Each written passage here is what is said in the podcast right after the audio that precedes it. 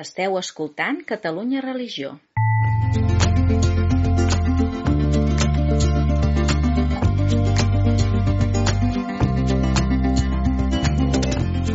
Converses en la frontera, un podcast de Gabriel Jaraba i Xavier Morlans.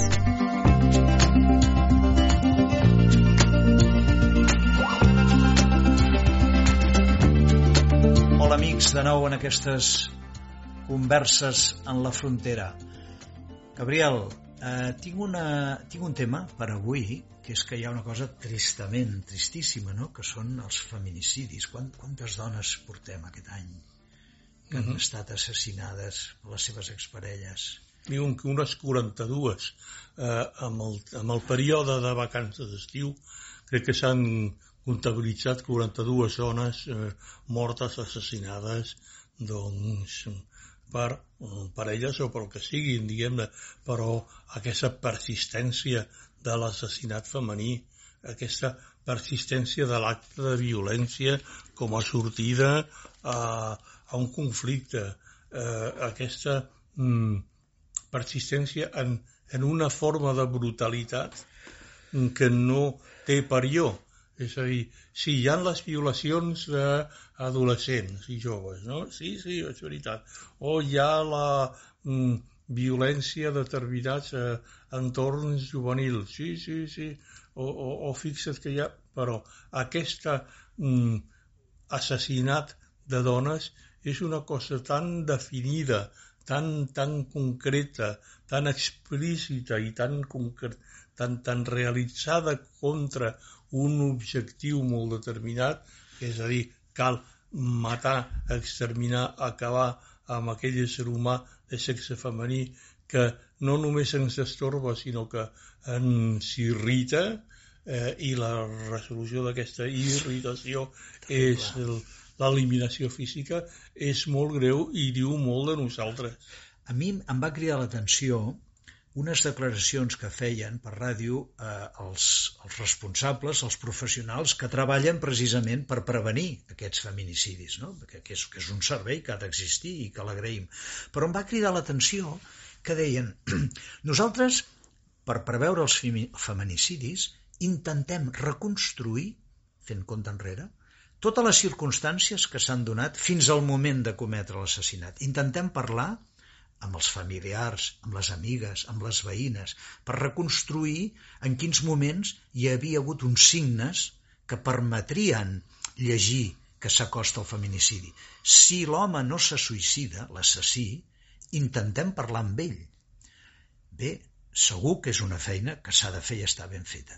Però jo em preguntava, però i la prevenció més fonamental? I la prevenció anterior, per exemple? Quines imatges eh, circulen en les sèries, en els vídeos, en la cultura popular? Quina, quina cultura de ho veig, ho vull, ho tinc i si no ho tinc ho destrosso? No? O sigui, no hi ha tota una prevenció.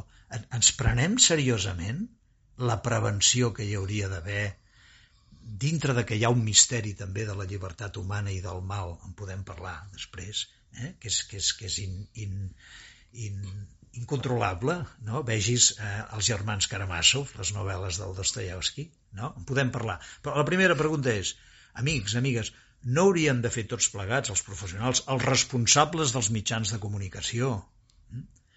de com contrarrestem una cultura de la possessió de la dona, del domini de la dona, de, de, de, de, la, de la realització immediata del desig i, si no, de la destrucció de l'objecte desitjat.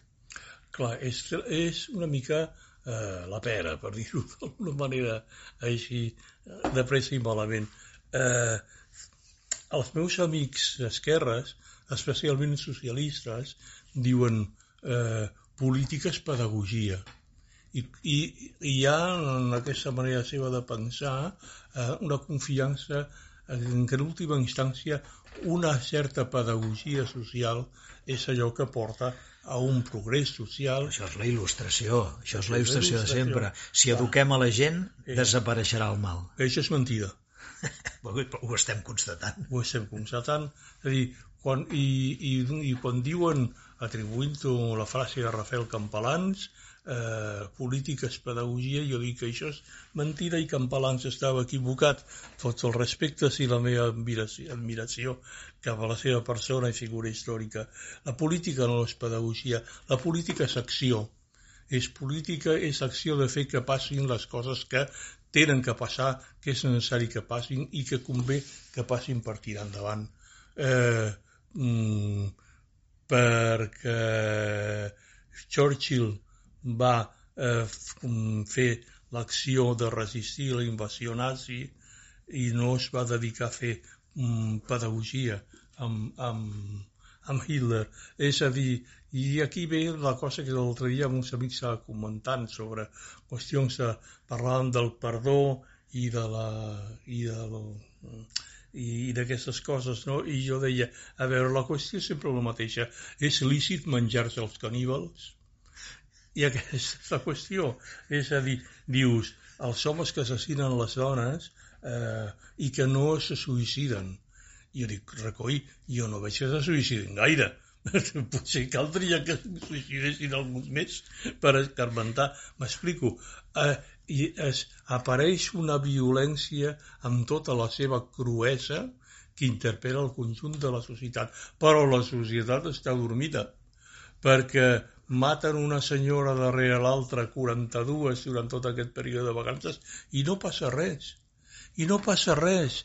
A la societat en la qual vivim poden anar, pot haver-hi un degoteig de, de dones mortes eh, per als seus marits o parelles o el que calgui eh, i no passa res. Compte, com no passa res quan eh, hi han violacions en grup de noies jovenetes als voltants de les discoteques. sí, que, sí que hi ha reacció de, de, dels veïns, hi ha minuts de silenci, hi ha, hi ha periodistes que ho, que ho subratllen.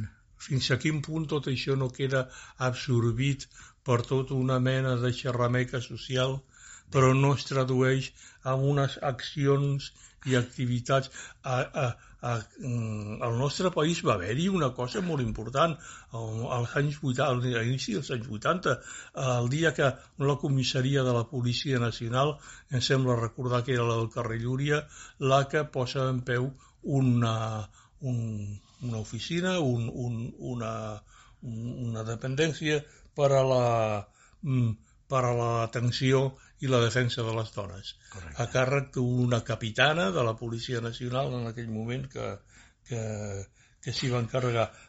L'impacte que va tenir allò, fins ara avui dia, sí. la, la, la defensa de les dones, eh, doncs és un, és un capítol normal i efectiu i meritori de totes les policies del nostre país, però en aquell moment allò va ser un impacte. Sí que hi ha gestos concrets. Doncs ara et proposo un gest concret molt bèstia. Oi que diuen que la majoria d'infants als 9 anys s'inicien a la sexualitat veient porno? Ah. Porno adult? Sí. No s'hauria de... Ara, ara semblaré carca. No s'hauria de prohibir el, el, el, el porno, la indústria del porno, encara que sabem que es fa amb, amb, amb actors que figuren i també de tant en tant es fa amb, amb, amb violacions reals d'alguna enganyada. No s'hauria de prohibir? Eh, segurament sí, o, o si més no, eh, mm, enmarcar dintre d'unes condicions que, uf, que la fes, diguem-ne, si no inviable, molt dificultosa. A veure, hi ha una, hi ha un lligam d'unes indústries que és eh, la indústria del porno, el tràfic de dones, el tràfic d'armes, el tràfic de drogues. I què vol dir això? Milionades de diners que circulen sense pagar impostos i sense, i sense control mm, per, mm, per sobre de les fronteres i en mans d'interessos que després resulta que veiem que estan vinculats a moviments regressius no solament polítics, eh, sinó socials. Clar, aleshores un pregunta, a lo millor és que tota aquesta gent l'hem d'enganxar com van enganxar al Capone, diguem-ne, no per les accions gangsterístiques, sinó per Hisenda. M'explico? Sí. Clar, el que sí que hi ha, eh, el que sí que es troba a faltar és una regulació eh, de la comunicació eh, en general, en aquesta nova era d'internet. Ja som a l'any 2023. Ara ens estem adonant que les xarxes socials no són simples empreses tecnològiques, com ells pretenen, mm. sinó que són mitjans de comunicació com a tal, i es comporten com a tals. Des de Facebook fins a Twitter, el, eh, el que tenim al davant eh, és el fenomen següent. Ells es posen de perfil dient no, no, nosaltres som una tecnològica, mentre que els que som estudiosos de la comunicació li diem no, no, no, vostè el que és és un mitjà de comunicació, vostè és una plataforma de comunicació i s'ha de comportar d'acord amb les seves responsabilitats. En el cas de la pornografia, jo crec que s'ha de dir, no, no, vostès són una indústria d'explotació personal mm -hmm. i no són simplement una indústria d'entreteniment i de representació innòcua mm -hmm. davant les audiències. Vostès, vostès són una altra cosa. Podríem dir que aquests, tornant a l'origen de la meva plantejament d'avui, aquests responsables de la prevenció de suïcidis, que, que estudien molt i s'ha de fer les circumstàncies immediates, podrien dir una mica així, que els hi falta una mica de comprensió lectora o que el conjunt de la societat i sobretot dels responsables de les polítiques eh, socials de prevenció els hi falta comprensió lectora perquè no només hem d'estar atents als mecanismes immediats d'una enrabiada, d'una discussió que poden generar. Hem d'estar prestar atenció a com es configura, si, si em permets l'expressió, l'ànima dels ciutadans. No? I aquí és on crec que llegir Dostoyevsky, els germans Karamazov, Crim i Càstig, aniria molt bé, no?, aquests responsables, tots plegats, a tots plegats ens aniria una, bé, una mica bé llegir aquestes grans novel·les on Dostoyevsky fa una, una dissecció de l'ànima humana i de com aquest misteri de mal que pot conviure la màxima bondat també amb una, amb una gran agressivitat i maldat al cor de les persones. Clar, però és que, fixa't, és que estem ja al cicle, al segle XXI, 2023, mm. i ens queixem de que no hem llegit Dostoyevsky. Que és del 19, I, 1880, l'última, els Karamazov. Diu, dius, on és Raskolnikov? És aquí. Sí. Clar, eh, estem demanant, és a dir, estem plantejant-nos problemes del segle XXI eh, amb, amb mentalitat, eh, no solament amb eines del segle XX, sinó mentalitats del segle XIX. Les nostres classes polítiques i els nostres entorns Mm, tecnoburocràtics, per dir d'una manera una mica cruel, estan formats a les universitats de fa, eh, de fa 30 anys, eh? Mm -hmm. eh, que han estat preses d'unes mentalitats doncs, eh, pròpies de, de, de, de marxisme, de, de marxisme, marxisme, materialisme dialèctic, sí. explicació social, estructural de tot, que té sí. la seva importància, sí si eduquem a la gent serà millor, eh, sí. desapareixerà el mal. Clar. I la sociologia com a reina de les ciències. Correcte. Clar, això ha estat molt bé, com a mínim fins ara. Per això, a la societat complexa, seguint l'expressió d'Edgar Morin, que no és precisament, diguem-ne, un eixelebrat, eh?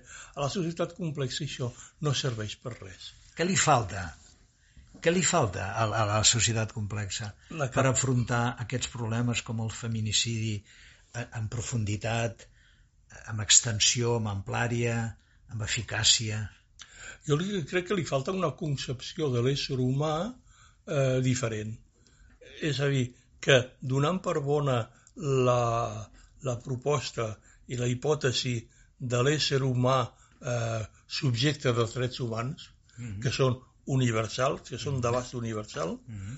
eh, el que fa falta és una concepció de l'ésser humà i la seva construcció al llarg de la història que no sigui la pròpia simplement de, en tots els respectes, la sociologia. Eh? I em refereixo, quan parlo de sociologia no em refereixo a, a, a l'art la, mm, cultivada per gent com Salvador Giné o, o Joan Estruc, o Joan Estruc, etc, sinó que m'estic referint a un garbuix una miqueta més complicat que sota el nom o l'aparença de sociologia és una amalgama de maneres de fer i maneres de pensar que és un briu cabrac que ara agafo aquest tros de l'historicisme xato, eh? ara agafo aquell altre tros del materialisme no reflexionat i jo si diuen materialistes els hi dic tant de bo ho fóssiu perquè creieu que ho sou i no ho sou. Jo no ho sóc, jo ho dic però d'altres, avui hi ha, un dia, hi ha un materialisme que si fos capaç d'actuar i comportar-se i comportar com a tal a les darreres conseqüències, el treball ens, ens, ens, ens encantara. Gabriel, intentem dir-ho en positiu. Intentem dir-ho en positiu. Sí. Quina matèria posaríem obligatòria per tots els universitaris i especialment pels polítics mm. i pels responsables de, de, de, de, del benestar dels ciutadans i de la prevenció de la violència i l'agressivitat en la nostra societat complexa. És que aquesta matèria s'hauria d'inventar. I de la mateixa manera que es van eh, elaborar tota una sèrie de currículums basats en el que van ser ciències i lletres. Per exemple, eh, avui dia, en aquest moment, els molt criticats membres de Silicon Valley, és a dir, la capital tecnològica nord-americana, que són els eh, que els interessen molts matemàtics capaços de treballar amb algoritmes, sí. estan contactant llicenciats en, en filosofia. Clar, i dius, a l'època dels algoritmes i la intel·ligència artificial, la professió que està triomfant en quant a contractació de gent jove i de gent nova a les, a les Googles, per sí. exemple, eh, doncs són els llicenciats en filosofia. Per què? Perquè saben pensar. És a dir, el primer que necessitem és gent que sàpiga pensar acostumar la gent a pensar. Una. Dos, acostumar la gent a relacionar-se entre si i a relacionar amb altres éssers humans, no capaços de fer això que diuen la comunicació i que figura que és una de les especialitats professionals que jo practico, sinó tota una altra mena de coses. És a dir, la capacitat de relació amb els altres, comprensió dels altres, eh, i, i capacitat de, de cooperar i de col·laborar i de fer coses junts amb, amb, amb els altres. I en tercer lloc, diria finalment una cosa que està molt, molt passada de moda i que és la història, però una història mm, explicada i, i, i generada d'una manera diferent que ens permetés que fos un, un, una història diferent i que li demanéssim allò que no, que no demanem, que no és preveure el futur, sinó explicar el passat. Explicar la gènesi explicar del passat. No? per què les coses s'han estat i per què, eh, com recoll hem arribat fins aquí. I com hi havia un moment, com ara, que no estava tot predeterminat, no? perquè és el que dius tu, quan expliques la història en funció del que ha passat després, és com si estés predeterminat. Però si et fiques en aquell moment històric, el moment de, que es, de, es decideixen els burgesos a fer fora el rei de França o el moment que uns obrers decideixen fer vaga o sindicar-se, el moment generador Uh -huh. El moment generador és el moment interessant i les tensions, i poder reviure i ficar-se a la pell dels protagonistes. Quin discerniment va fer? Què, què els va fer, per exemple, a França fer la revolució violenta i en canvi a Anglaterra també van pelar un rei, però no va ser el mateix perquè van ser més gradual. No? Hi ha dues grans formes de revolució. La revolució violenta, França, la revolució soviètica, i hi ha la revolució gradual. No? Bé, en tot cas, la matèria d'història viscuda així, genèticament, és necessària. Ara, mides concretes, no treure la filosofia del batxillerat, no? per ensenyar no. a pensar als alumnes. No? Exacte. Probablement ensenyar-la d'una altra manera ah. eh, i probablement eh, treballar-la amb altres coses que avui dia ja, ja sabem és a dir, i la comunicació, per exemple, abans doncs, me l'ha criticat una mica, ara jo diria una filosofia capaç de fomentar una comunicació intern, interpersonal vàlida tant a nivell individual com a col·lectiu, no seria interessant, eh, seria una psicologia social o seria tota una altra cosa diferent? Perquè avui en la psicologia social sembla ser que serveixi doncs, per dirigir departaments de personal de les empreses o ajuntaments, no? Podem aspirar alguna cosa. I, I ara deixa que tiri la sardina cap a la meva brasa. Vaig llegir temps enrere, i no sé si ja ho he comentat una vegada, perdoneu si em repeteixo, que el govern britànic es plantejava crear escoles per ensenyar als pares a contenir la ira no es va dur, no es va dur a terme, potser perquè era massa car o què. Però llavors jo em pregunto, i què es fa als milers d'esglésies, sinagogues, mesquites, eh, obertes, eh, cultes evangèlics, què es fa cada diumenge o cada dissabte, si no entre moltes altres coses, eh? estic parlant de les religions, òbviament, les religions democràtiques, tolerants. Què es fa, si no, entre altres coses, intentar que els fidels aprenguin a contenir la ira, a contenir l'agressivitat, dit d'una altra manera, aprenguin a empatitzar amb el dolor del veí, no? Clar, és a dir, hi ha una cosa que a mi m'ha fet molta gràcia, això que dèiem de l'il·lustració i, de la, i de la política com a pedagogia i de la voluntat pedagògica i pedagogista, diríem, diguem d'educar allò que abans es feia, educar el poble. Eh? Mm. Eh, a veure, en aquest afany per educar el poble que ha tingut el món il·lustrat, eh, ha, ha fet de tot, ha fet una escola pública i gratuïta, ha fet un, i, i, i solvent, compte, i de qualitat, una escola de qualitat que abans no existia. És a dir, jo he anat a una escola que era una llufa, perdó, altres eh, de famílies més possibles potser no, no, però una escola, una universitat pública que avui dia supera o, o com a la, a la universitat privada en quant a molts aspectes doncs, de qualitat també o de, o de valoració social no? eh, mm, hem, hem, hem creat de tot menys una cosa que és escola de vida mm. o sigui, és curiós i significatiu per la seva absència de que tot el, tota una cultura basada en la pedagogia, en l'educació, en l'educació, en l'ensenyament, ha estat capaç de, de dur el concepte escola, ensenyament, a tot arreu, menys al centre de la vida eh, a on s'aprèn a fer això, a fer aquestes coses que diem i que avui dia, com a resultat, lògicament, ho fan les esglésies, les confessions, però també estem veient que ho fan, doncs, avui dia ho estan fent molts petits centres eh, de barri eh, amb assistència femenina, sobretot dedicats a noves teràpies o al ioga, mm -hmm. per exemple, encara mm -hmm. que sigui de manera a vegades una miqueta trontollant, si es vol, eh? Mm -hmm. altres vegades excel·lent i, i meravellosa. És a dir, hi ha formes espontànies d'escola de vida que es van donant perquè ho demana el cos social, però en canvi la societat institucionalment és incapaç de crear una cosa que és fonamental i central en qualsevol projecte civilitzat. La importància de la cura. Per exemple, cura, cura, cura, cura ànima i cura sui.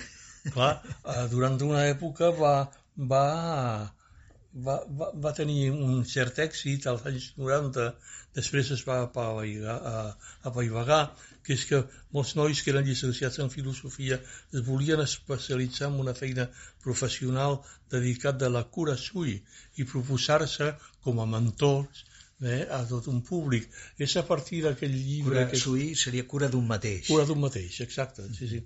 És a dir, va ser arran d'aquell èxit d'aquell llibre que es deia Max, Prato, Max, Más Platón i Menos Prozac, sí, eh? sí, i tant. Eh, que, que va ser un llibre que la gent es va eh, descobrir que la filosofia servia per aprendre a viure no? Uh mhm. -huh. I, i per ensenyar a viure, van dir uh mhm. -huh. eh, a la vegada. Això va durar molt poc. Jo ho he seguit molt la pista, a veure per on, per on hi anava la cosa, i aleshores dius, ostres, eh, no, no, no ens en sortim, però allò està l'experiment. Un altre experiment, avui dia, al monestir de Sant Benet de Montserrat, el monestir, sí. la versió montserratina sí. del, del monestir. En femení. Eh, en femení, sí, la versió femenina, si volia dir. Eh, avui dia ja han fet públic que s'han convertit en un centre oficialment certificat de focusing. Sí. Focusing és una eh, disciplina pròpia de la psicologia humanista que ja fa uns 40 o 50 anys que, que està funcionant.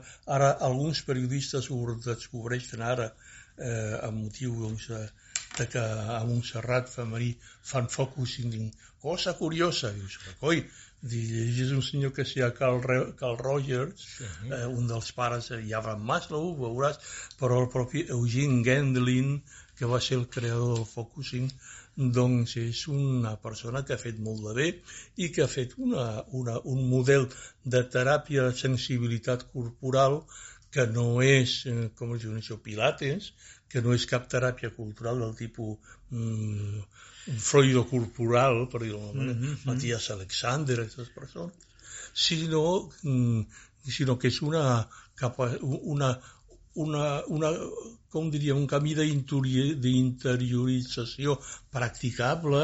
Ajuden, per... ajuden a la persona a posar paraules, uh -huh. a saber reconèixer les reaccions del seu cos o de, de la seva sensibilitat, a saber dialogar amb ella, i a saber d'alguna manera conduir-la. Clar, ells utilitzen aquell concepte de, de sensació sentida, uh -huh. felt sense, no? Uh -huh. eh, i que et posa paraules una cosa que ha estat molt difícil per a la, la cultura occidental, precisament, que, esta, que, que és, és curiós, una cultura que, que es diu materialista i que ha estat incapaç de generar diguem-ne, eh, exactament això, una cultura materialista de la manera de produir-se en el món, no?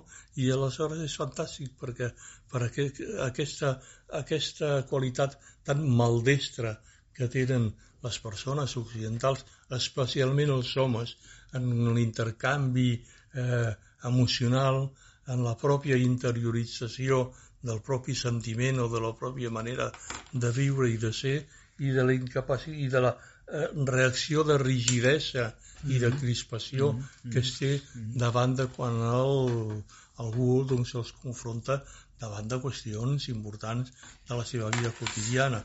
Mm, allò que deia l'altre dia del futbol, eh, aquesta és la diferència entre el futbol aquesta. femení i el futbol masculí, ah, precisament. Sí, i ja que parlem de Fukushima, doncs deixen també fer, fer una mica d'autopropaganda no? del mètode Vine i veuràs que des de l'any 2002 vam iniciar amb un equip a Sant Ramon de Penyafort, a l'església de la Rambla, i que ara doncs, continuem aplicant a l'Hospital de Campanya de Santana, d'on soc vicari, que és una nova forma, que en part s'assembla al Fukusin, perquè proposa l'aproximació a l'Evangeli, fins i tot a la figura de Jesús, però no d'una manera catequètica, dogmàtica, des de dalt, no? sinó creant un espai, creant un espai relaxat, i mm, creant una possibilitat que les persones, com quan van al teatre o al cine, no? que seiem a la butaca i ens, ens, ens proposen un relat i tu t'identifiques en la mesura que vols. El mètode Vine i veuràs hi ha un, un equip de persones que proposa una lectura d'una pàgina de l'Evangeli, la trobada de Jesús amb la Samaritana, i que la persona que assisteix a aquesta performance, no? com que es fa ara, es fa teatre a domicili, no? es fan concerts desenxufats a domicili. Aquestes trobades de vina i veuràs, que l'ideal és fer-les en un domicili, amb 12 o 14 persones, permeten que l'individu amb molta llibertat deixi ressonar aquella paraula de Jesús no? a propòsit de la set, de la recerca d'aigua, i no s'imposa des de fora, sinó que es busca la complicitat amb la ressonància que provoca dintre del cor, de la consciència, de, de la corporalitat, de, de l'emocionalitat de la persona, i en tot cas se li van oferint eines per poder arribar, si vol, a un diàleg amb aquest Jesús que creiem, que es fa viu també a través de la seva paraula. No? Eh, bé, estaria en la línia aquesta de fomentar, eh, oferir espais perquè els ciutadans que vulguin puguin trobar aquesta educació de la seva empatia, de la seva capacitat de prestar atenció, de superar rigideses, competitivitat... Bueno, el vine i veuràs també és una mica més femení, jo diria com a forma de presentar l'Evangeli que aquelles propostes més, més racionals, més d'un catecisme per adults, però explicant el pensament d'un runner o això, no? que és, és un altre camí també, no? adreçar-se a la intel·ligència de la manera més directa. No? Clar, és, que, és que és curiós perquè durant molt temps hem pensat que, que havia mm, prou amb una indoctrinació, jo dic, calvèsia, sí, eh? Sí. eh? de tipus teològic, intel·lectual, sí, sí a les persones per a que poguessin adonar-se'n de la fe i perquè poguessin venir i veure. Sí. I clar, mm, en alguns aspectes sí i en alguns altres aspectes no. És a dir, mm, mm, aquesta, aquesta iniciativa del focusing a, a, a Montserrat a femení o aquesta iniciativa del Vida i Veuràs eh, són eh, diguem-ne, iniciatives d'aquestes, mm, de les que podíem dir que polítiques pedagogia, dient en broma, no? Sí. Eh, però per entendre que volien dir, quan aquesta pedagogia de la fe és alguna cosa més que pedagogia de la fe, sinó que implica ser una pedagogia de vida. Sí, és proposar la vivència, diria. Exacte. Sabem que no es pot forçar, però és el més semblable a proposar la vivència. De fet, quan t'inicien a la droga, no et fan un anàlisi químic de la marihuana, sinó que et diuen, eh, va, prova, prova, no? Doncs el, el, el vine i veuràs vol ser, eh, canviant el que s'ha de canviar, mutatis mutandis, una iniciació a la, a la, a la trobada amb Jesús a base de, de, de costar al màxim el dir eh, prova-ho, no? I en aquest sentit és molt important la voluntat, la voluntat, les ganes, la, la voluntat de provar-ho va unes mil·lèsimes de mil·límetre abans que la intel·ligència, allò sí. que deies, no? Sí, però Als anys sempre... 70 preteníem portar la fe explicant que era necessari respecte al catecisme eh, romàntic eh, melós dels anys 50, als anys 70 volien portar la fe explicant Runner i explicant la racionalitat de la fe. Ens hem adonat de que cal, a de vegades cal dir atreveix-te a, a fer això, atreveix-te a dir aquest mantra cristià, no? Clar, fixa't, eh, per exemple, l'èxit que ha tingut el ioga a tot el món occidental. Clar, és això, és una eh? vivència. Perquè és una vivència, perquè és una experiència. Avui dia aquest ioga que es fa a tot el món occidental ja no és ioga, és a dir, és el resultat d'una evolució d'un corrent molt determinat de regeneracionistes indis uh -huh. que eren universalistes i aleshores doncs, van difondre-ho. Quin públic van tenir? Un públic femení. I han estat les dones les que han, eh, han simbollat sí a, a, a aquest ioga que ja no és ioga, a, a, a ser un moviment vital que és quelcom més que un moviment físic, que un moviment espiritual. Hem d'experimentar per la capacitat, perquè nosaltres també podríem crear moviments d'escola de vida sí. capaços d'arribar allà on tenim que arribar i encara no sabem com. Puc dir que la majoria de persones que venen al Vine i Veuràs són dones. Clar com la majoria de voluntàries que venen a l'Hospital de Campanya de Santana. I no sé si són la majoria que ens escolten, aquest podcast. Jo estic convençut que sí, absolutament. En tot cas, des d'aquí us saludem, dones i homes. Fins la propera. Adéu-siau. Adéu, adéu.